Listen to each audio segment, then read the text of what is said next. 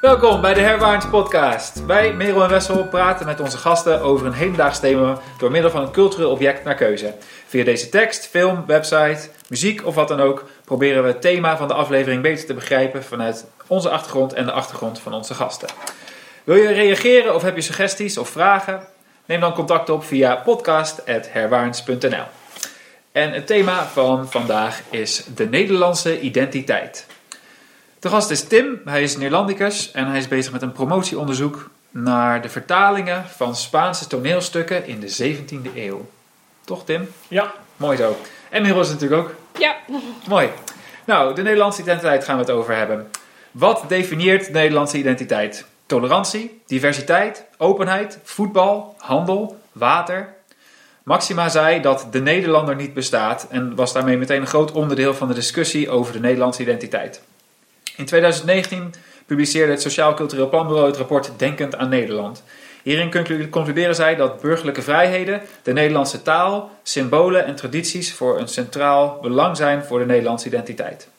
Er is een verbondenheid, maar zodra een debat ontstaat over de details van de identiteit, verdeelt de samenleving zich langs de scheidslijnen van burgerlijke vrijheden aan de ene kant tegenover tradities en symbolen aan de andere kant. Wat zijn dan die symbolen en tradities? En waarom staan die tegenover de burgerlijke vrijheden? En wat is dan precies de identiteit die dat nog samen bindt? Daar gaan we het vandaag over hebben in het thema de Nederlandse identiteit. En ik mocht beginnen, dus ik blijf nog even doorpraten. En het eerste uh, object wat we gaan bespreken is een aflevering van uh, de YouTube-serie, het, het, kanaal De Snijtafel van Casper C. Jansen. En dit is dan de aflevering over het Koningslied van 20 april 2013. In de afleveringen van de snijtafel heeft Casper Sejansen altijd een gast. En met die gast analyseert hij dan een tekst. Uh, in het begin waren dat vooral liedjes. En die deed hij dan bijna altijd uh, samen met Michiel Liuma. En later kwamen er ook steeds meer andere mensen. En hebben ze ook veel andere soorten teksten geanalyseerd. Um, maar deze aflevering gaat dus over het Koningslied. En die is inderdaad met Michiel Liuma. En de uh, analyse die ze dan doen is dat ze eigenlijk door de tekst heen gaan. En de dingen die hun opvallen lichten ze uit. Um, en zo komen ze tot een soort conclusie over waarom het een goed of een slecht lied is. In dit geval zijn ze het er zeker meteen over eens dat het geen goed lied is. Voor iedereen die de cliffhanger nog uh, zag aankomen daar. Uh, ik wil ook nog even vermelden: het Koningslied zelf is gecomponeerd door John Newbank. En het is geschreven door Ali B., Bollebof, Daphne Dekkers, Fouradi, Lange Frans, Guus Meeuwers, Kraantje Papi, Gers Jack Poels en de Nederlandse bevolking. Want er was een website en mensen konden teksten inzenden. En die zijn voor een deel, volgens uh, John Newbank toch een heel klein deel, gebruikt om de tekst te maken. Um, nou, ik raad iedereen sowieso aan om die uh, snijtafel, snijtafel aflevering te kijken. En sowieso alle afleveringen, want ze zijn uh, informatief en erg vermakelijk. Maar de reden dat ik deze heb gekozen is omdat ik denk dat het een aantal dingen laat zien over de Nederlandse cultuur. Namelijk dat er een uh, verlangen is in Nederland om wel een soort gezamenlijke cultuur en identiteit te bouwen. Um, en dat zie ik op meerdere momenten, maar dit Koningslied vond ik daar een heel mooi voorbeeld van. Er is een soort behoefte van ja, we hebben een koning, er komt een nieuw iets, daar willen we vieren. We willen dat samen maken, toch allemaal? Um, en uh, we willen daarin dus een gedeelde Nederlandse cultuur hebben. Uh, en het koningschap was daar dan dus een mooi voorbeeld van. Want ja, als er een nieuwe koning komt, dan moet je wel iets Nederlands hebben. Uh, ik denk ook dat deze aflevering goed laat zien dat Nederlanders dan vaak een heel democratische inslag hebben over het maken van hun identiteit. Want het feit dat dit niet een lied is geschreven door één iemand, uh, maar dat het een, een, lied is geschreven door een hele lijst artiesten en de hele landse bevolking, vind ik een heel typisch idee. Want het komt er eigenlijk dus op neer dat niet één iemand het zou moeten kunnen vangen. Of misschien zou dat wel kunnen, maar we gaan ervan uit van niet. Dus we moeten ons een soort indekken door een soort heel inclusief te zijn met het, het componeren van zo'n lied en het schrijven van zo'n tekst. En toch is het, hetgene waar het Koningslied het meest beroemd om is, dat iedereen er een mening over heeft. En bijna al die meningen zijn heel kritisch. Dus in de derde stap van zo'n uh, project zou je dan kunnen zeggen dat er meteen superveel kritiek is, dat mensen voor, tegen zijn. Um, en dat er heel veel discussie ontstaat. En ik denk dat dat voor een deel te maken heeft met het feit dat mensen zich niet willen laten vangen door wat die Nederlandse cultuur dan is.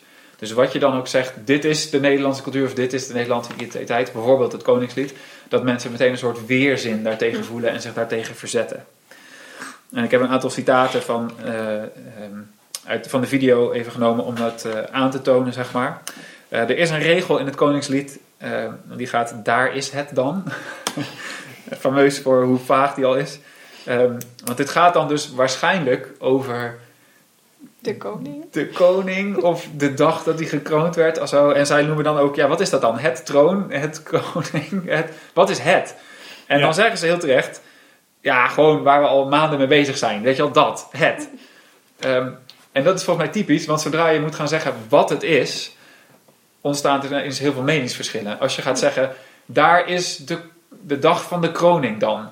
Dan hoor ik alweer iemand zeggen, ja, maar daar gaat het niet om. Het gaat niet om de dag van de kroning, maar het gaat om dat er een nieuwe koning komt. Oké, nou, de koning dan. Ja, maar het gaat niet om dat hij koning is, want dan, dan doe je de koningin tekort of zo. Het gaat om het feit dat we een nieuwe stap maken. Oh, het is dus dan de nieuwe stap. Nee, het gaat niet om een nieuwe stap, weet je dat een beetje. Dus zolang je zegt, daar is het dan, zijn we veilig, zogenaamd. Dus het is een beetje een trucje van de maker.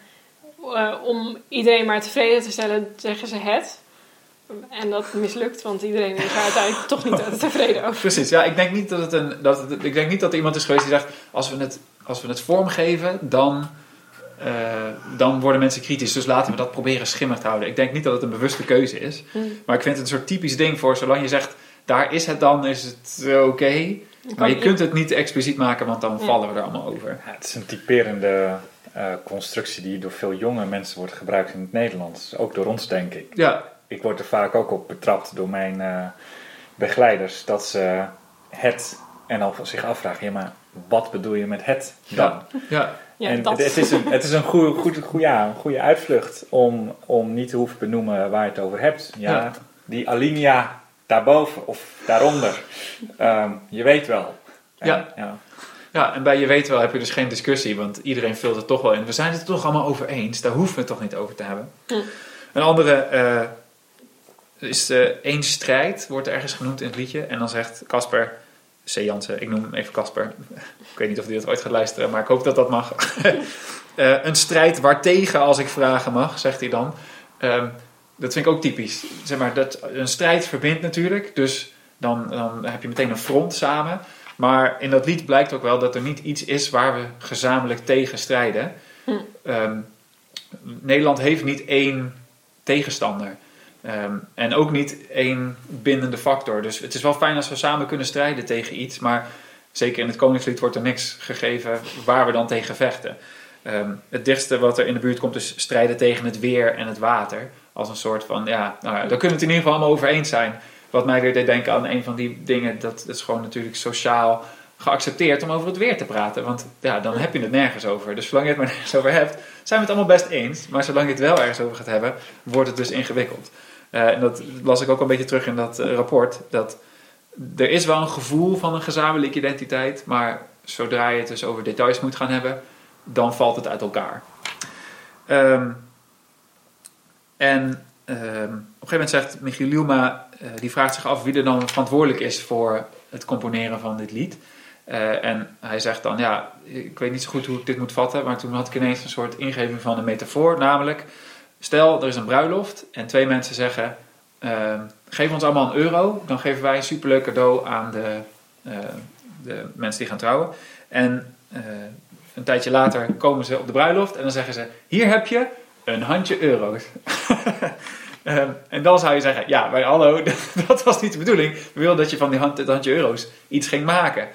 Ehm, en daarom zegt hij dus ook, ja, John Newbank en die eh, tekstschrijvers zijn verantwoordelijk. Want wat de Nederlandse bevolking ook inlegt, daar moet je dan iets mee doen. Hm. Ehm, maar ik denk dat typisch dat handje euro's is dus een mooie metafoor. Want zodra er een cadeau was gekocht, had waarschijnlijk iedereen gezegd, ja, dat vonden, vinden we een stom cadeau. Ja. Dus het moet aan de ene kant een soort van vaag blijven zolang het eh, kan. Maar ja, je kunt ook niet gewoon losse eh flodders geven of zo. Ik vind het ook grappig, want we hebben natuurlijk wel het Wilhelmus. En er is al vaak gepraat over een nieuw eh, volkslied. Maar ik denk ook niet dat we daar ooit uit zullen komen als Nederland. Omdat, ja, voordat we een lied hebben waar iedereen zich in kan herkennen... eh, zijn we zoveel verder. En waarschijnlijk kom je dan op een bepaald punt en zijn mensen het er weer mee oneens. Is dat dan niet het probleem? Dat we bij Nederland te veel willen dat iedereen zich erin kan herkennen. Of we doen alsof we super democratisch zijn. Door Ja. te zeggen van de Nederlandse bevolking schrijf mee met het Koningslied.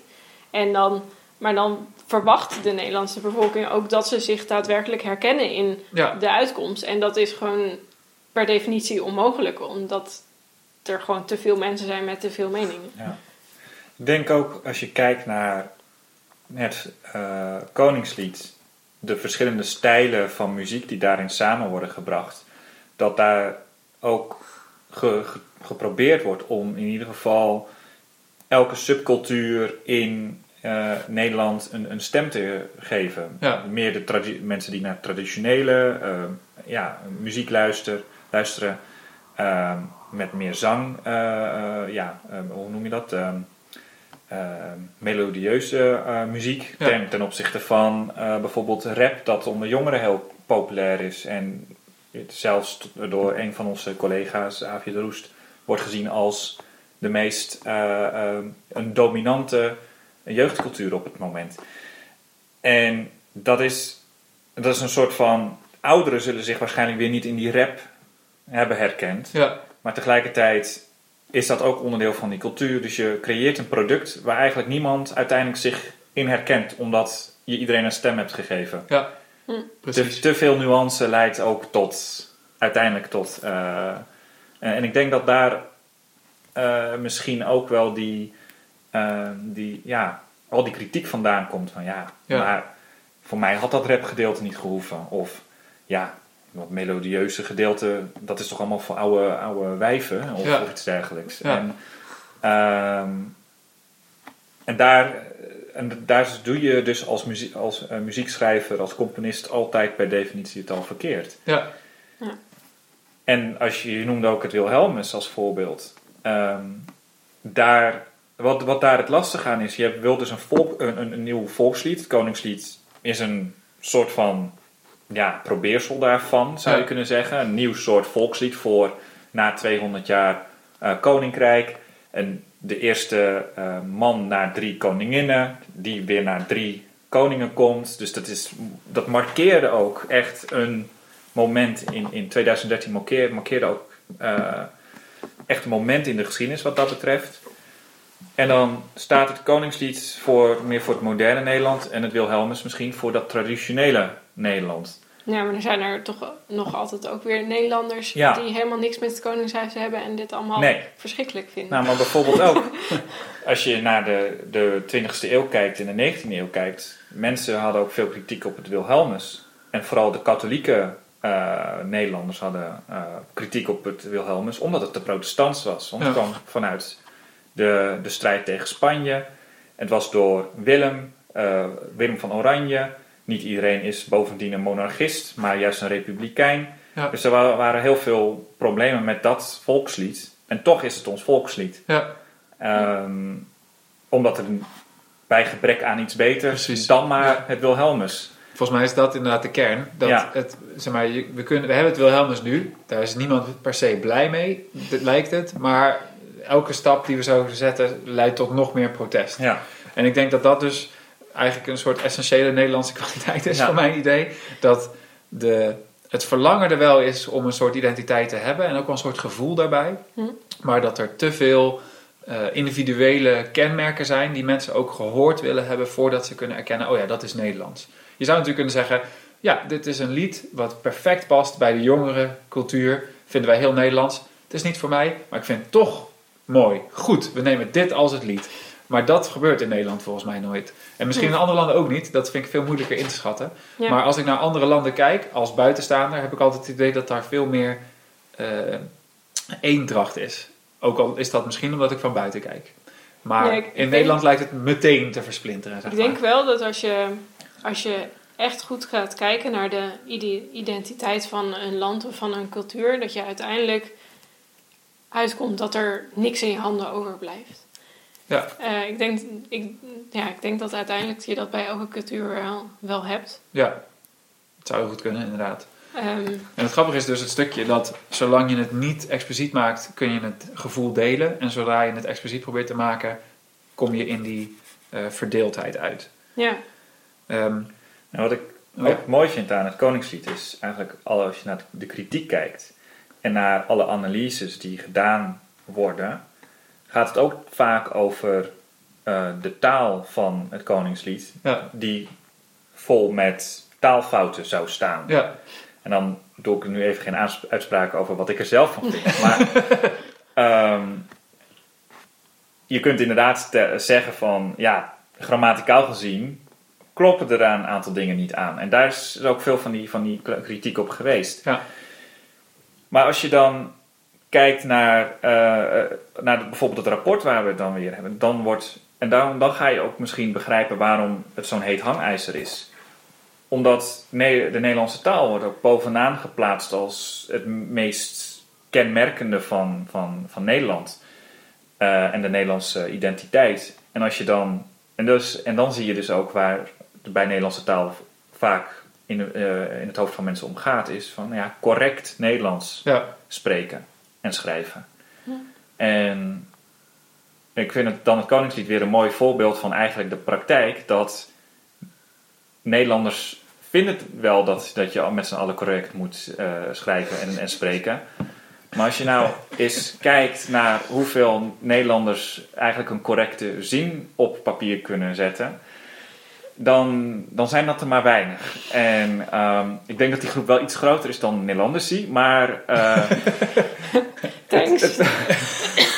Nee, eh, het is eh, allemaal gekkigheid. Maar, ehm, dan, dus in die zin is het, is het Koningslied juist wel weer een perfect voorbeeld van, van de Nederlandse identiteit. Ja. Ehm, en en, en het, alle kritiek en, en alle discussie die eromheen is ontstaan.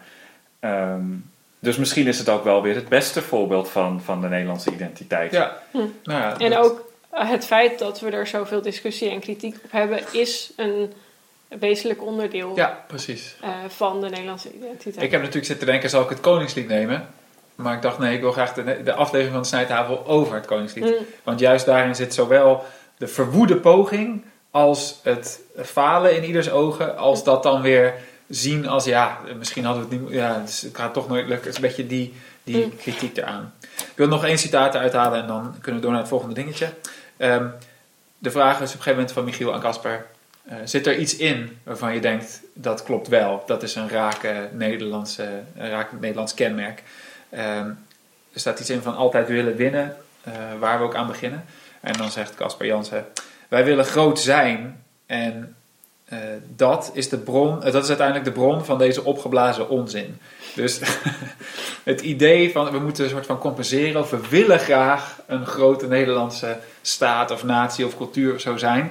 En daardoor doen we dus die verwoede poging. Dus dan heb je eigenlijk het cirkeltje weer rond, zeg maar. Juist bij gebrek aan een heldere identiteit krijgen we meer behoefte aan die identiteit.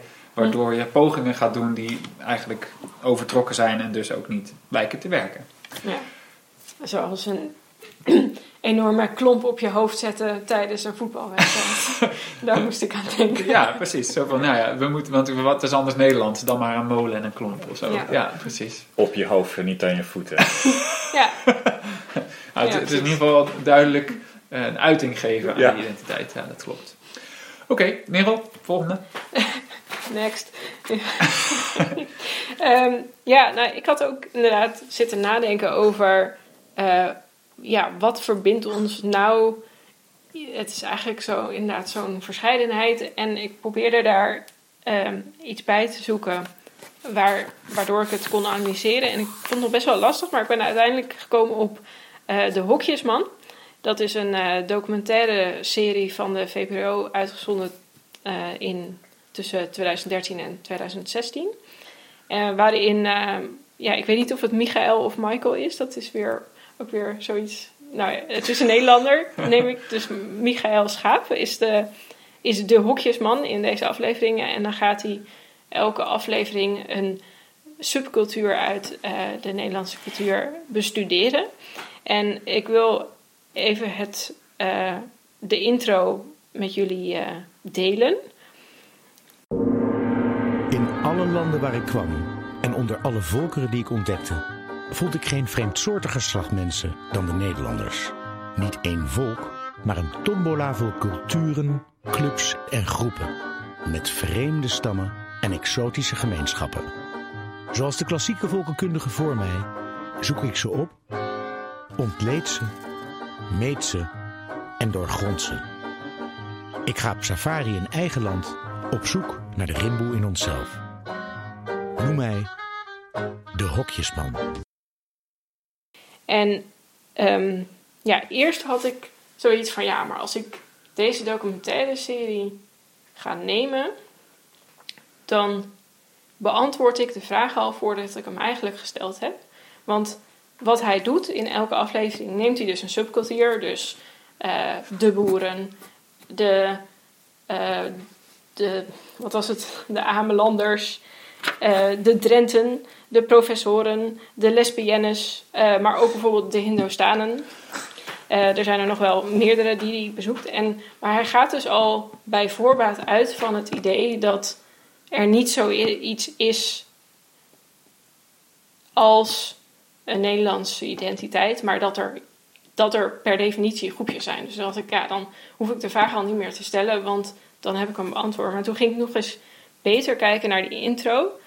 Ehm, en eh, een van de stukjes waarmee, ze de, waarmee de VPRO de, deze documentaire serie heeft ehm, gepromoot, was ook dat hij op zoek ging naar de hokjesgeest in Nederland. En toen dacht ik, misschien is dit juist wel ehm, wat de Nederlandse identiteit is. En dat is ook een beetje wat jij net zei, Wessel. Ehm, misschien is er wel niet één overkoepelend ding waarvan je kan zeggen dat is Nederlands, maar is juist het feit dat, ze, dat er allemaal verschillende groepjes zijn, maar zich toch allemaal ne- Nederlander voelen op een of andere manier, is dat wel heel Nederlands. Misschien is de hokjesgeest wel heel Nederlands. Ja. Ehm, en ik ga niet zeggen dat ik dat nu denk, Ehm, want ik zit er nog steeds heel erg ehm, mee te worstelen, maar ik vond dat wel eh, een interessant idee. Want hij, hij zegt dus ook: Ik vond geen vreemdsoortiger slag dan de Nederlanders. En die Nederlanders bestaan dus uit al die subculturen die die elke keer gaan opzoeken. En ja, ehm, maar ze voelen, al die subculturen voelen zich dus wel Nederlanders. Ja. Ehm, en waar dat dan in zit, dat weet ik niet. Ja, gek. Want ik, wat, ik vraag me af hoe vreemdsoortiger precies eh, uit de verf komt als, als term. Bedoelt hij zeg maar raarder? Of, of bedoelt hij met vreemdsoortiger daadwerkelijk dat ze ja, zichzelf in soorten onderdelen of zo? Wij zijn gewend om elkaar in vreemde soortcategorieën Ja. te stoppen. Ik weet niet hoe, ik heb serie Eh, niet gezien. ja, als, als eerste, ik had het altijd begrepen als ehm, vreemdsoortiger dan andere landen. Ja, Eh, zo van, ik ging eerst altijd naar andere landen toe. Dat, dat zegt hij ook van, ik ga op safari in eigen land. Zo van, Ja. normaal ga je op safari in een ander land, maar Ja. nu ga ik het in mijn eigen land doen. Maar Ja. jouw interpretatie is eigenlijk ook wel, we, we- we- dat is eigenlijk de hokjesgeest. ja precies. Mensen in, in hokjes zetten. Of ehm, dus de vreemdsoortigheid van alle verschillende groepjes in Nederland zelf. Ja. Wat ik mooi vind aan de intro die je eh, net voorlas, is dat daar een aantal verwijzingen naar klassieke antropologie in Ja. voorkomen. En Ja. ook naar etnologie, zoals dat bijvoorbeeld nog een beetje terug te zien is in die eh, oude eh, musea voor volkenkunde. die nu tegenwoordig allemaal onge- omgedoopt worden tot, tot andere ja, musea voor, voor volkenstudies of iets in die wereld, trant. Wereldmusea, inderdaad. En eh, dat hij dus aangeeft, hij ontmantelt daarmee eigenlijk het idee van wij kijken als Nederlandse cultuur of als Europese cultuur of, of als Westerse cultuur vaak naar die andere culturen, naar die andere werelden. En hij zegt, ik draai het nu eens om. Ik ga, ik ga eens naar mijn, precies op die manier kijken naar mijn eigen land. En ont, ja, ontmantelt daarmee het idee dat er een soort van eenheid eh, ontdekt kan worden in die wij veronderstellen als wij naar Spanje kijken of naar Brazilië kijken of naar China kijken. Dan hebben wij een bepaald beeld van Chinezen doen altijd dit. Of, Maar dat, dat hebben eh, buitenlanders natuurlijk ook van ons. Natuurlijk. Eh, en dat be- beseffen we niet, omdat wij zelf Nederlanders zijn. Dus wij beseffen niet dat buitenlanders ons zien als een bepaalde eh, groep. En doordat hij dat nu zelf een soort van introspectie doet, eh, laat hij dus zien dat je dat ook op jezelf kan toepassen. Ja. eh, waardoor hij dat omdraait. Maar het is gek, want zoals jij het nu eh, formuleert, is het bijna een soort postkoloniale eh, blik van nee, het gaat niet om Ja. jezelf en de ander. Maar dan maakt hij daarna een serie waarin hij precies iedereen in De ander, ander, stopt. stopt. Ja. En ik denk wel dat misschien eh, dat een heel typisch Nederlandse, zeg maar, ongetwijfeld is dat een menselijke Ja. gedachte om iedereen tot de ander te maken. Maar het lijkt Ja. erop dat wat in Nederland dan zo specifiek is, dat eh, het is allemaal goed dat jullie allemaal anderen zijn, maar ik heb wel duizend verschillende soorten ander. Namelijk, Ja. want jij bent anders vanwege deze reden en jij bent anders vanwege die reden. En het is allemaal goed, maar ik hoor daar niet bij. Ja. Je kan ook eh, in de intro, als je het filmpje ziet, dan loopt hij ook door een museum. Ja, eh, met, eh, volgens mij, als ik het goed herinner, menselijke botten onder andere. ja. Dus het, hij zet het inderdaad heel erg neer als een, ehm, een antropologisch onderzoek. Ja, en ja, misschien de, de intro lijkt voor mij inderdaad best te suggereren dat, dat, er, dat er een postkoloniale blik in zit.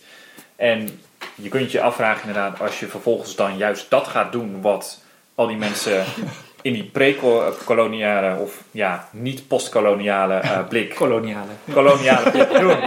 Ehm, dat, je, dat hij dan dus eigenlijk voor, eh, voorbij schiet aan zijn doel. Ja, eh, dan kun je je afvragen, is zijn onderzoeksvraag goed? Maar Ja, ik denk niet dat, dat, dat het punt is dat hij wil maken, nee. zozeer. Nou, wat, ik, wat ik grappig vond, want ik heb deze eh, serie gezien op het moment dat hij op de televisie was. Dus dat is 2013, 2016. En nu ging ik hem dus terugkijken. En ehm, hij zegt dus, ik ga op safari in eigen land op zoek naar de rimboe in onszelf. Met daarna een mooi safari stukje, eh, muziekje. En toen dacht ik, oei.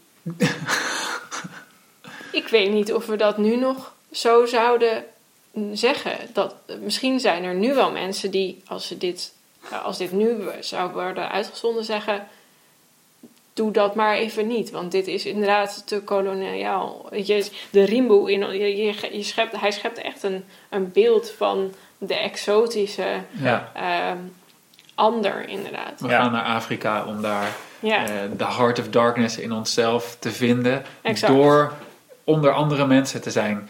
Eh, dus ik eh, heb het hier over het boek van Joseph Conrad dan specifiek. Maar dat, dat, dat de ander alleen maar een soort spiegel is voor het onderzoek naar onszelf of zo. Ehm, en dat, dat, het, dat je die metafoor mag gebruiken om... eh, Om, omdat je naar jezelf kijkt. Ja, maar hij kijkt dus eigenlijk niet naar zichzelf. Nee. Want hij, hij is altijd de buitenstaander. Hij heeft Ja. ook altijd mooi pak aan. En een, een, ofwel een stok of een eh, paraplu. Ik weet even niet welke het is. Maar Echt een soort heer dus. eh, het is echt, een, echt een heer. Ja, dus hij is heel duidelijk altijd degene die er niet bij hoort. Ja, wat grappig dat hij dus heel nadrukkelijk heeft gekozen voor als, als vorm, zeg maar, voor... Want het lijkt alsof hij in de intro ook zichzelf een beetje belachelijk maakt daarbij. Noem mij de hokjesman. Ja. Zo van, ik weet zelf ook wel dat dit niet klopt, maar het is aan jullie om dat dan dus door te Ja. prikken. Dat ik doe nu alsof ik alleen maar in hokjes denk en misschien dit koloniale denken weer eh, bezig. Maar het is zo belachelijk dat jullie ook wel zien dat we eigenlijk allemaal één zijn. Want ik neem aan dat dat uiteindelijk een soort van de conclusie wordt nou van de ja, serie. nee. Hij, er is, als ik het me goed herinner, is er niet echt een, een Hmm. soort van conclusie van... Maar we zijn eigenlijk allemaal Nederlanders. Hij, hij probeert het echt in het midden, hij laat het echt heel erg in het midden van Ja, de, die afleveringen hebben niet wat dat betreft een conclusie over. Maar oké, de professoren doen allemaal dit, dit en dit. En dat lijkt allemaal heel gek.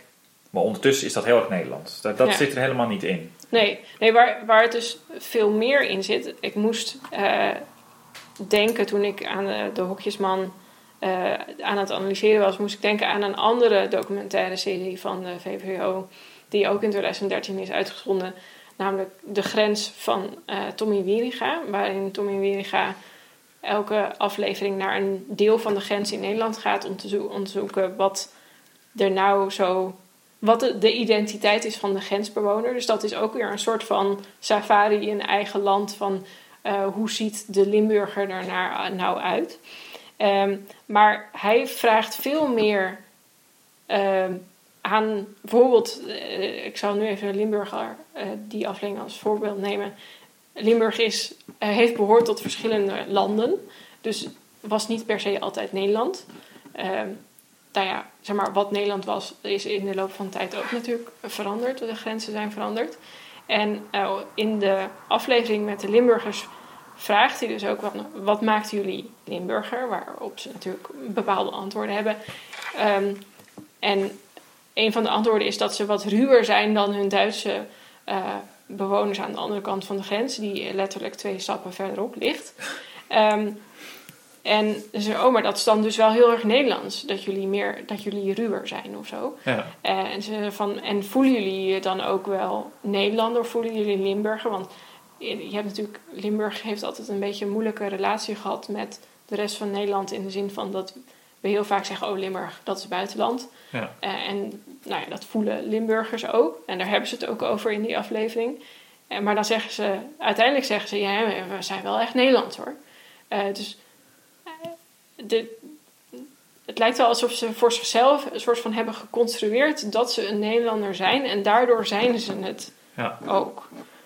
Ja, het is Ehm. grappig, want je zegt de grens en hokjes. Eigenlijk bij al deze dingen lijkt het erop neer te komen dat zodra je beslist, dit valt wel binnen de groep en dit valt niet Ja. binnen de groep, dan, dan ga je daarna een soort van op zoek naar kenmerken die dus rechtvaardigen dat je die grens daar hebt getrokken. Ja, en ik denk dat als je er, dat, daar goed over gaat nadenken of goed gaat kijken, dat je dan uiteindelijk inderdaad niks overhoudt in je handen.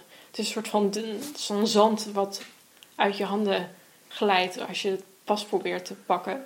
Het, eh, want waarom vinden ze die Duitser liever dan hun, dat zij zelf zijn? Ja. Terwijl die maar één huis verderop woont. Wat, wat maakt dat? Is dat die Ja. grens die daar niet eens altijd heeft gelegen? Ja. Of, ehm, ik moest ook denken aan Baarle-Nassau, wat dus stukjes Nederland en. België door elkaar zijn. Zijn, is, zijn die mensen die in, in Belgisch Baarle-Nassau wonen dan daadwerkelijk zoveel anders dan wij? Nou, ik denk dat, dat voor een heel groot deel dit natuurlijk ook gewoon het, het narratief is wat je voor jezelf kiest. Ja, Ik ben ruwer, dus als ik vind dat ik, als ik een mening heb, dan zeg ik die ook. Ja. Terwijl misschien de Duitser zegt, ja, nou die Nederlanders van twee huizen verder, die zijn altijd maar zo bot. Ja. Ik ga dat beleefder doen, want ik ben een Duitser. ja, dus het is een soort van constructie die we zelf in stand houden. Ja, en je ziet daar ook hoe eigenlijk die politieke eh, grenzen van die, die in de 19e eeuw voor een groot deel zijn vastgelegd en zijn ja, verstart en, en, en bevroren.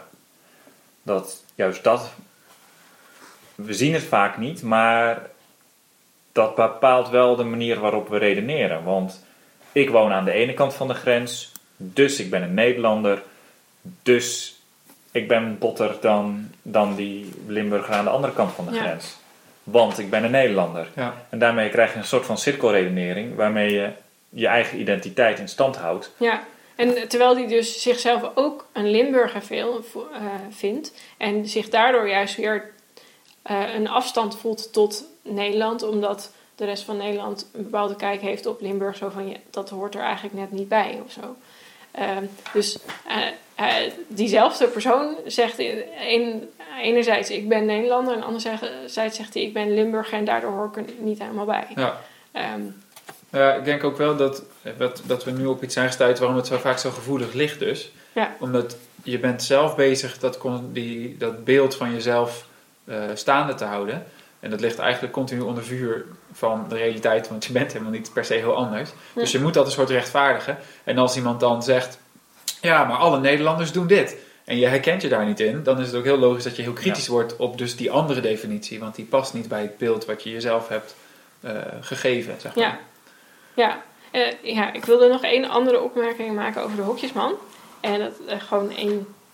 Ehm, wat ik dus heel interessant vind wat hij doet, is dat hij heeft dus bijvoorbeeld ook een aflevering over Hindoestanen, Mhm. waarvan wij, wie, whoever that is, dus zeggen van, oh, is dat dan Nederlands? Ja. Maar dat is volgens hem dus wel een subcultuur in Nederland. En ik denk dat het nu in tijden van eh, immigratie en de kritiek en ehm, ideeën over integratie en Nederlandse cultuur aanleren een goed punt is om te zeggen dat dat soort groepen dus ook een Nederlandse identiteit hebben. Zeker. Ja. Ehm, en in dezelfde Nederlandse hokjesgeest eh, gestopt kunnen worden.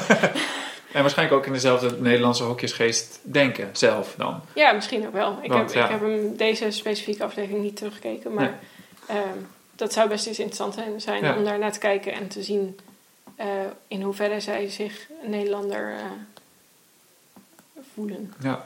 Nou, ik kan me heel goed voorstellen dus dat daar een soort eh, schisme in zit. Dat je dus tegelijkertijd je Hindoestaan en Nederlander voelt. Ja, terwijl die elkaar zoals- lijken uit te sluiten. Dat doen ze niet echt, maar Ja. Omdat net de zoals ene- de Limburger. ja, de ene identiteit is geconstrueerd op het idee dat je niet een Nederlander bent. En de andere is juist op het dat je waarschijnlijk geen Hindoestaan bent. Terwijl ja, je bent alle twee. Hm. Dus die verhalen komen dan in botsing met elkaar of zo. Ja, Ik vraag me wel heel erg af, ik, dat gaan we deze, tijdens deze podcast niet kunnen beantwoorden, dus we kunnen mooi nog een andere aflevering aan wijden misschien. Maar in hoeverre dus dit, dit uniek is voor Nederland.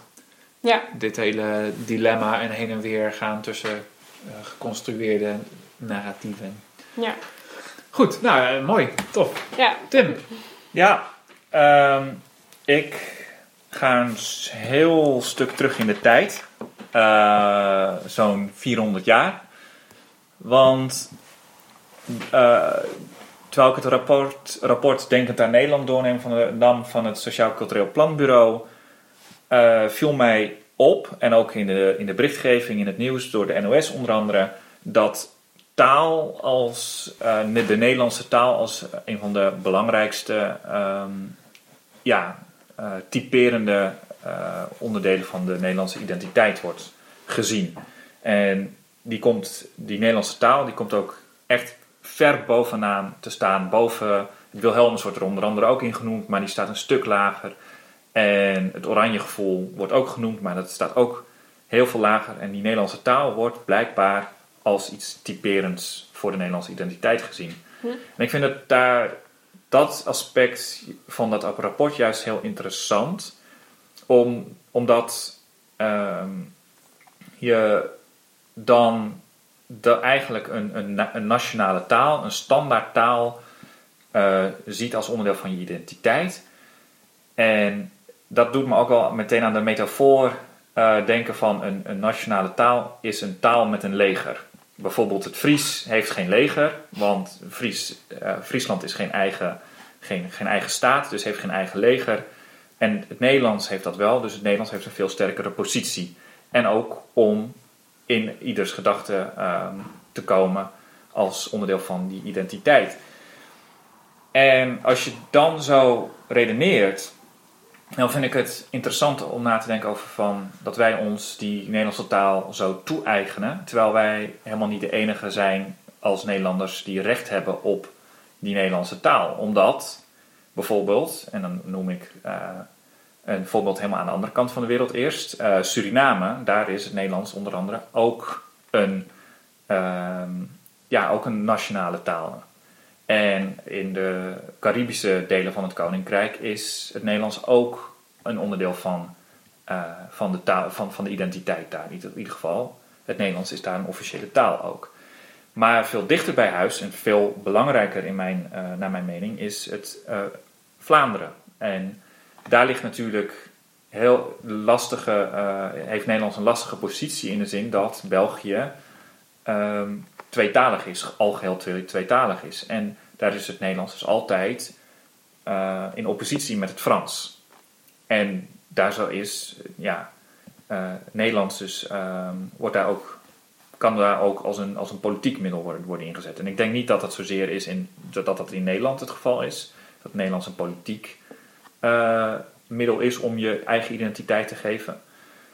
Eh, maar ik vind het wel interessant om daar dan eh, met die gedachte dan te kijken naar wat, wat is dan, welke rol speelt dat Nederlands dan? En ik neem dan als voorbeeld een, een toneeltekst waar ik zelf in mijn onderzoek mee bezig ben, naar die Spaanse vertaling, of die vertaling uit het Spaans in het Nederlands. En dat gaat mij dan om specifiek ehm, de vertaling van een toneelstuk dat bovendien uit het Spaans komt. La Vida es Sueño van eh, Pedro Calderón de la Barca. Dat is in het Nederlands vertaald in 1647. En vrij snel daarna, dat is in eerste instantie in Brussel eh, vertaald door een verder onbekende eh, dichter. En doet het daar enorm goed. En dit is dus in eerste instantie ook in het, ja, wat je zou kunnen zeggen, het Vlaamse dialect uh, geschreven. Maar ongeveer zes jaar later wordt het in het Nederlands gepubliceerd, bijna onveranderd. Misschien hier en daar spellingveranderingen, maar uh, verder eigenlijk geen ingreep, ingrijpen in de taal. En dan wordt het op, in Amsterdam, daar in het theater, um, op de bühne gebracht. En ik vind dat, ik vind dat een interessant gegeven, omdat dus de taal daar wordt gebruikt om een cultureel product te maken. En dat definieert dan uh, wat blijkbaar, ja, dat wordt vernederlandst, zo'n toneelstuk uit, het, uit Spanje. En dan uh, delen we dat met tussen, tussen Brussel, wat dan toen nog grotendeels uh, Nederlandstalig was, en, en Amsterdam. En dan vraag ik mij af, in hoeverre is dan eigenlijk die Nederlandse taal zo kenmerkend en zo typerend voor, voor Nederland? Als wij ook makkelijk onze literatuur, en literatuur vind ik een van de grote afwezigen in, in het rapport, daar wordt hm. bijna niet over gesproken. Ook omdat veel, veel Nederlanders literatuur niet noemen als uh, onderdeel van hun Nederlandse identiteit. En misschien juist omdat uh, ook literatuur zo makkelijk vertaald kan worden in een andere taal en dan in een nieuwe context een rol kan gaan spelen in een nieuwe taal. Dus dat daarom de boeken van Harry Mulisch bijvoorbeeld niet worden genoemd. Hm. Um, en ook mijn toneelstuk wat ik noem, uh, La Vida Sueño, dat vertaald is als Het leven is maar een droom. Dat komt ook uit, oorspronkelijk uit Spanje. En is het daardoor wel onderdeel, kan het daardoor onder wel, onderdeel zijn van de Nederlandse identiteit. Um, ik heb alvast één vraag over het ja. toneelstuk, want die ken ik niet. Um, is het ook een culturele vertaling of is het alleen een, een hertaling? Het is een. Uh, in dit geval gaat het echt om een hertaling. Ja. Er zijn ook andere voorbeelden, maar die zal ik verder niet noemen, waar ook wordt echt als een waar het ook een culturele vertaling ja. is. Waar bijvoorbeeld een Spaanse stad wordt vernederlandst en dat um, Madrid Den Haag wordt, bijvoorbeeld. Ja.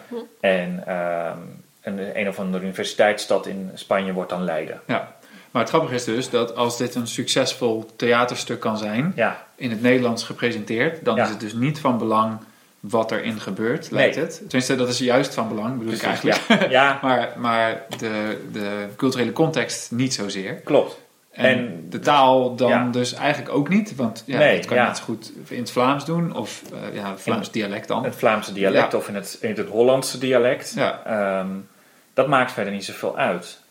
En als we dan een stap maken naar de moderne tijd, uh, een paar jaar terug uh, had je Christine Hemmerrechts, die schreef over de, de vrouw die de honden eet, eten gaf, haar boek. Dat, is, dat ging over de, de kwestie uh, Dutroux, Marc Dutroux in, in België, wat enorm veel teweeg heeft gebracht daar natuurlijk. En een enorm litteken op de Belgische, um, ja, een Belgische, ja, hoe noem je dat, gevoel, identiteit heeft gezorgd.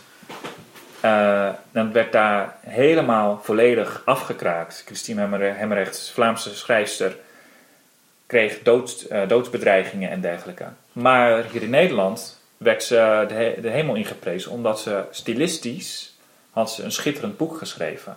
En dat ze iets voor elkaar had gekregen wat ook, um, wat ook ja, um, dat, je, dat je compassie kreeg met die vrouw van Marc Dutroux.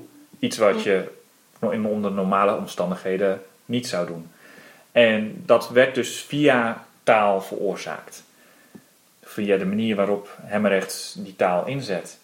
En ik vind het dan dus interessant dat dit soort culturele producten wel de grens kunnen oversteken. en in die context kunnen functioneren. En dat die taal daarvoor, de Nederlandse taal daarvoor wordt gebruikt. Ehm, maar dat we dat wel als iets typerend voor Ne- de Nederlandse identiteit zien. En niet zozeer als, ehm, als dat. Dan vraag ik mij meteen af. Maar is het dan ook typerend voor de Vlaamse identiteit? Of is het alleen iets voor Nederlanders? En eh, daar, ja. En dat, daar kun je dus. eh, en en daar, daar vind ik dus frappant dat, dat Nederlanders zo snel zijn om, om hun taal zo vooruit te schuiven. Terwijl ehm, als je kijkt naar dialecten, naar het Fries in, het in, eh, in Nederland en eh, naar, ehm, naar het Vlaams onder andere. Dat zijn allemaal vormen van diezelfde standaardtaal. Waarin wordt geschreven, waarin wordt gedacht, waarin wordt gehuild, waarin wordt ge- gejuicht, waarin alles zo'n beetje wordt gedaan. En dat, en dat daar in, in die Nederlandse identiteit is daar eigenlijk weinig, lijkt er in het rapport weinig aandacht voor te zijn. Hm. En ehm, ja, dat, dat vind ik zelf wel een tekortkoming bijvoorbeeld. Nee, ehm, ik moet nu denken aan een eh, gesprek wat wij een tijdje terug hebben gevoerd met een eh, Vlaamse docent van de Universiteit Nederland. Ja, Eh, Nederland, Universiteit Leiden. Zo. En dat ehm, Nederlanders die denken dat ze normaal Nederlands spraken. Ik zal het even niet ABN, ABN noemen, want niemand spreekt ABN. Maar Nee.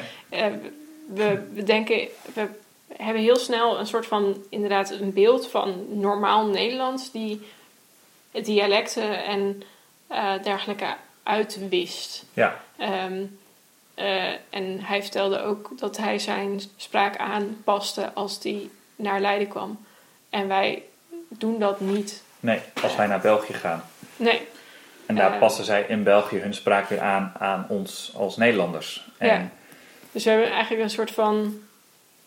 ehm, hoe noem je dat? Cultureel imperialisme voor een soort van normaal Nederlands, wat eigenlijk Ja. al niet bestaat, Ja. maar waar we wel allemaal een idee bij hebben, ehm, wat we dan uitspreiden over alle dialecten. En je kunt het eigenlijk nog veel specifieker maken, want dat standaard Nederlands is uiteindelijk met name gebaseerd op, het, op de Hollandse dialecten en op het Utrechtse dialect en het Zeeuwse dialect.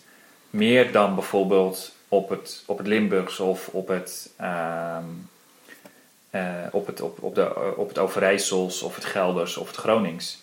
En we dwingen in feite ehm, en dat vind ik dus interessant. We dwingen op school in feite kinderen om dat standaard Nederlands te, te leren en te spreken en te schrijven. En correct te schrijven en te spreken. Want om deel te nemen eh, aan de Nederlandse samenleving moet je correct Nederlands eh, eh, kunnen schrijven, schrijven en spreken. Eh, maar daarbij gaan we voorbij aan die regionale dialecten. En het, het, het interessantste vind ik nog wel is dat Nederlanders in Overijssel of in Limburg of in Groningen zullen zich dat Nederlands, dat standaard Nederlands van Holland, uiteindelijk ook toe-eigenen als onderdeel van die Nederlandse, eh, Nederlandse identiteit. Ja. Dus het is een heel ingenieus en interessant, eh, interessante dynamiek die daar ontstaat. En die, ehm, die niet per se eh, ja, eh, veel, veel, eh, daar veel ruimte voor diversiteit toelaat. Ehm, en ik denk niet dat Nederland daar uniek in is. Zeker niet, want dat kun je ook zien in, in, in Duitsland en in Frankrijk en dergelijke. Eh, en, ehm, en dat Nederlands hangt ook samen met bijvoorbeeld die, die, die, die reacties. Want het wordt ook bijvoorbeeld in het rapport een interview genoemd over een, een- is er een interview met een, met een mevrouw die heeft lange tijd in het buitenland gewoond, komt dan terug naar Nederland en ziet iedereen met shirts rondlopen met Los Angeles en New York erop. En niet met een shirt met Dordrecht erop. En dat ziet ze ook als een. eh, ze zegt niet met zoveel woorden, maar je kunt wel afleiden uit dat interview dat dat blijkbaar onwenselijk is. Want daarmee verliezen we onze eigen Nederlandse identiteit. Want daarmee Amerikaniseren we. En dat vind ik dan weer interessant in het licht van dat toneelstuk wat ik noemde. eh, het leven is maar droom. Want dat wordt uit Spanje gehaald, dat wordt hier in Nederland eh, op, de, op de planken gebracht. Enorm populair in het Nederlands, dat wel in het Nederlands. En als je kijkt wat wij tegenwoordig doen, en zeker na, na de Tweede Wereldoorlog, hoe, ehm, hoeveel James Bond films zijn er wel niet in de Nederlandse bioscopen eh, geweest? Hoeveel eh, romantic comedies zijn er wel niet in de Nederlandse bioscopen geweest? Waar kijken wij op tv naar? En in Duitsland nasynchroniseerden ze elk, elke film. En wat wij dus in feite vroeger ook deden, door het te vertalen in het Nederlands, zo'n toneelstuk. Maar wij eh, kiezen standaard voor de optie eh, ondertitelen. Ja, volgens mij past dat juist dus in het beeld wat Nederlanders van zichzelf hebben. Dat we ehm, goed zijn met vreemde talen. Ja, Ja, wij hoeven dat niet na te synchroniseren. Wij begrijpen dat zo ook wel. Ehm, en ik denk dat dat ook te maken heeft met de, de dialecten die je net noemde. Dit is uiteindelijk allemaal onderdeel van wat we vinden dat Nederlanders doen. ja, Ehm, en dat is ook logisch, want dat verhaal loopt parallel aan wat er ook daadwerkelijk gebeurt. Maar eigenlijk vraag jij je af met bijvoorbeeld dat onderwijs van de taal. Wat komt er dan eerst? Is het met voorbedachte raden dat dit proces gebeurt? Zeker in de 19e eeuw was dat ongetwijfeld zo. Ehm, of niet? En bijvoorbeeld Ja. als iemand terugkomt en zegt... Ja, Amerika- Amerikaanse namen op shirts en buitenlandse merken... eh, dan, dan verpovert de Nederlandse identiteit. Terwijl ik denk dat heel veel Nederlanders juist zullen zeggen... Nee, wij zijn heel open Ja. naar het buitenland. En dat maakt ons juist Nederlands. ja, Ik vind het wel interessant dat je noemt dat we inderdaad ondertiteling doen en heel veel Amerikaanse films en zo kijken.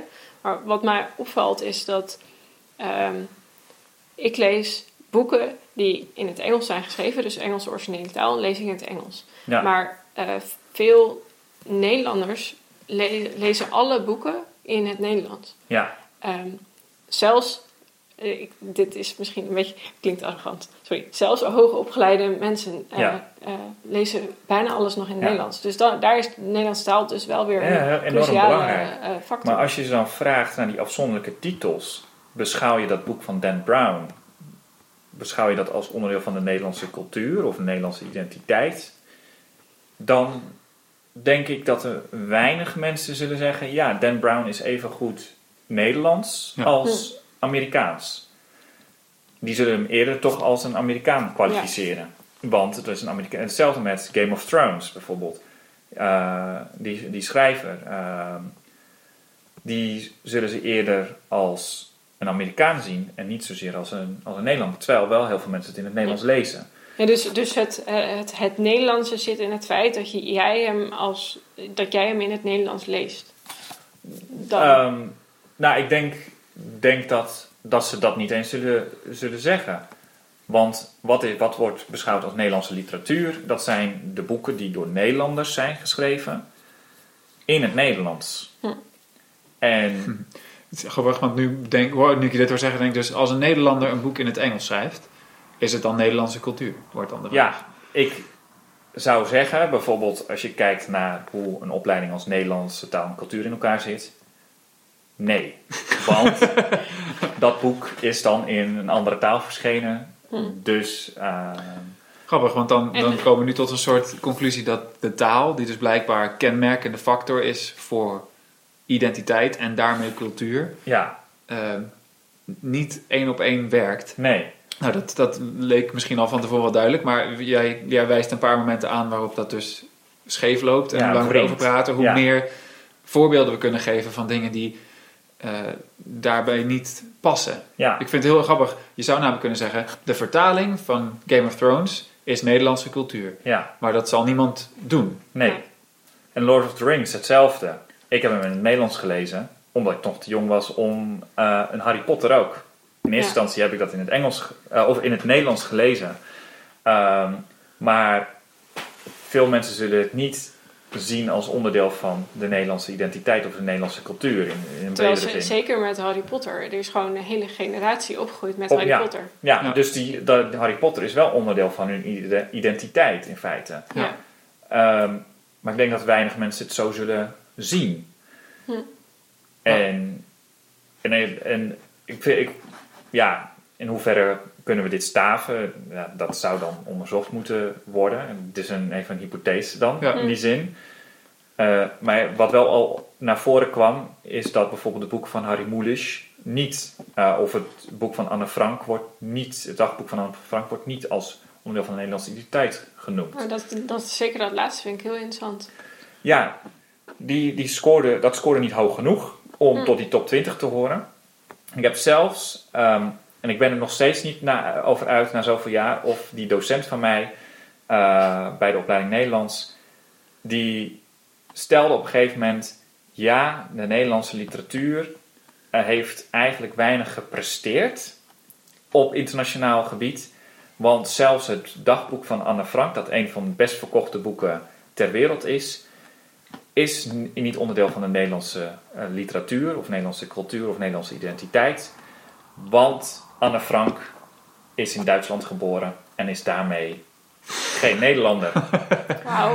En ik weet niet of hij nou bedoelde te zeggen van ehm, daag mij nu uit en Ja. ga er Ja. nu tegenin. Of dat dat echt zijn mening was.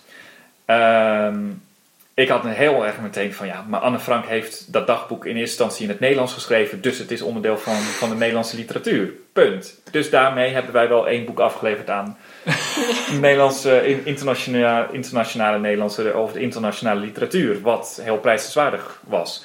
En daar kreeg ik toch een beetje chauvinistische gevoelens bij. Ehm, maar strikt genomen, ja. ehm, Anne Frank is van oorsprong een, een Duitse Jodin.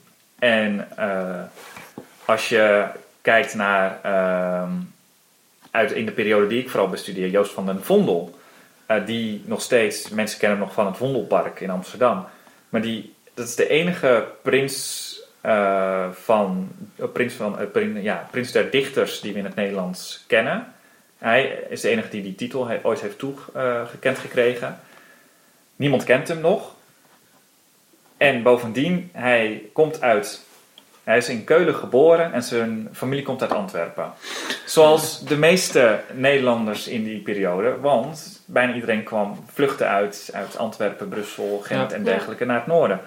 En daar zie je dus dat, wat is nou de Nederlandse identiteit? Kenmer, wordt dat nou gekenmerkt? Dat wordt niet gekenmerkt door de plaats waar we zijn geboren. Nee. Wordt niet gekenmerkt per se door de taal die we spreken. Ehm, wordt niet per se gekenmerkt door de, de, de, de boeken die we lezen. Of de films die we kijken. Ehm, Ja, het zit hem in dat verhaal dan toch uiteindelijk. In- We in vinden dat Anne Frank eh, bij de Nederlandse cultuur hoort, want ze hoort bij de Nederlandse cultuur. En dan Ja. wordt het- dus die cirkelredenering daar waar we het al over Ja. hebben gehad. Ja. Ehm, maar het, is, het heeft wel te maken met dat daar een keuze in wordt gemaakt. Er zit een bepaald soort toe-eigening in, ook vaak. Ik had bijna eh, Sp- Spinoza als eh, voorbeeld meegenomen. Hm. Waarvan mensen ook altijd zeggen: ja, dat is een van de grootste Nederlandse filosofen alle tijden. Maar hij komt eigenlijk uit de Portugal en de Portugese gemeenschap, dus telt dat dan. Ja. Die, dat hele spanningsveld zit er elke keer in. Terwijl in de Verenigde Staten zal dat, omdat dat van oudsher een immigrantencultuur is geweest, zal die discussie op een heel andere manier gevoerd worden. ja, waarschijnlijk wel. Ja. Ja. Maar dat, dat, hetzelfde met de Nederlandse taal. Ehm, er zitten zoveel Franse leenwoorden in. Ja. Zijn, zijn, zijn, hoorden die, die specifieke woorden dan Ja. niet bij het Nederlands? Ja, en zo kan je door blijven gaan met grenzen trekken. Ja, Eh, en precies weer op dat, dat stukje uitkomen. Hoe, hoe specifieker je kijkt, hoe minder je vast kunt stellen Ja. wat het is. ja. Ja. En dan komen we weer terug bij, als we het maar niet specifiek hoeven te benoemen, ja. dan kunnen we met z'n allen erover eens zijn. Wat was het zinnetje ook weer? Dat is het dan? Ja, daar is het dan. Daar, Daar- is, daar het dan. is het dan. Daar is het dan, de Nederlandse, Nederlandse identiteit. Ja. Ja, Maar het is grappig, want ik denk dat wat we kunnen vaststellen na al deze eh, objecten is dat er zeker een gevoel is en een idee is van de Nederlandse identiteit. En hoe, beter je, hoe, hoe, hoe gedetailleerder je dat onderzoekt, hoe meer je uitkomt bij tegenstrijdigheden of kwesties die je gewoon niet kunt oplossen en meer vragen eigenlijk. Ehm, en misschien is dat wel eh, typisch voor alle identiteitsvormen en alle cultuurvorming. Maar ehm, omdat het dus zo onzeker is, is ook de behoefte om het vast te leggen juist groter. Ehm, ik kan me voorstellen dat als je een cultuur hebt waar het veel helderder is, je hoort bij deze cultuur, want je hebt zwart haar, om maar even iets heel willekeurigs te noemen. Dan hoef je minder naar op zoek of dat wel echt klopt. Hm. Ehm, terwijl hoe, hoe vager het is, hoe, hoe meer je erachter komt dat je dus alleen maar in cirkeltjes kunt Ja. vaststellen. Ik vind mezelf een Nederlander, want ik voel mezelf een Nederlander. Ik voel mezelf een Nederlander, omdat Nederlanders doen wat ik doe. Waarom doe je die dingen dan? Oh, Omdat ik Nederlander ben. Dus, maar ja, dat is een interessante ehm, eh, conclusie of zo. En het grappige is dus ook dat ik denk dat daardoor het vaak dus zo gevoelig ligt als je bepaalde tradities kunt aanvallen. Of juist bepaalde, want in het rapport noemen ze dus die tradities tegenover de eh, burgerlijke vrijheden. Als jij dus vindt dat Nederland leunt op burgerlijke vrijheden, vind je het pijnlijk als een Nederlandse traditie dus tegen die vrijheden ingaat. Eh, dan kunnen we natuurlijk de Sinterklaas en Pieter discussie noemen. Eh, het is voor Nederlanders die vinden dat je heel respectvol moet zijn naar iedereen, heel pijnlijk als mensen pijn hebben van de Nederlandse traditie. Dus dat moeten we meteen veranderen. Terwijl het voor heel veel andere Nederlanders die vinden, ja, maar Nederlandse waarden en tradities zijn juist wat Nederlander vormt. Ehm, in alle twee de situaties wordt hun, hun zelfbeeld eigenlijk aangevallen. Want hetgene wat, wat ze Nederlander maakt, is wat er onder vuur ligt op dat moment. Ja, Dus toen Maxima zei, de Nederlander bestaat niet, misschien had ze wel gelijk. en toen ze zei, ik ben Nederlander onder Ne- de Nederlanders geworden, had ze misschien nog steeds, nog zelfs wel meer gelijk. Ja. Ja. en het feit dat dan iedereen daar toch over valt, over haar zin, is dan weer typisch eh, voor Nederland. de Nederlandse. ja. Ja, nou, mooi. Ehm, leuk, interessante discussie. Ehm, ik zal nogmaals herhalen dat als je wil reageren of wil eh dus suggesties hebt voor verdere thema's of een keer wil aanschrijven, dat je contact kunt opnemen via podcast.herwaarend.nl. En weten we al wat het volgende onderwerp is voor de volgende keer? Eh, ja, Eh, volgende keer spreken we over historiografie en fictie. oh ja, ook En daar- ik mag alvast verklappen dat er zombies in voorkomen. Oh, leuk. oh, ik heb er wel zin in. Eh, nou, eh, bedankt voor het luisteren en tot de volgende keer. Ja. Tot ziens.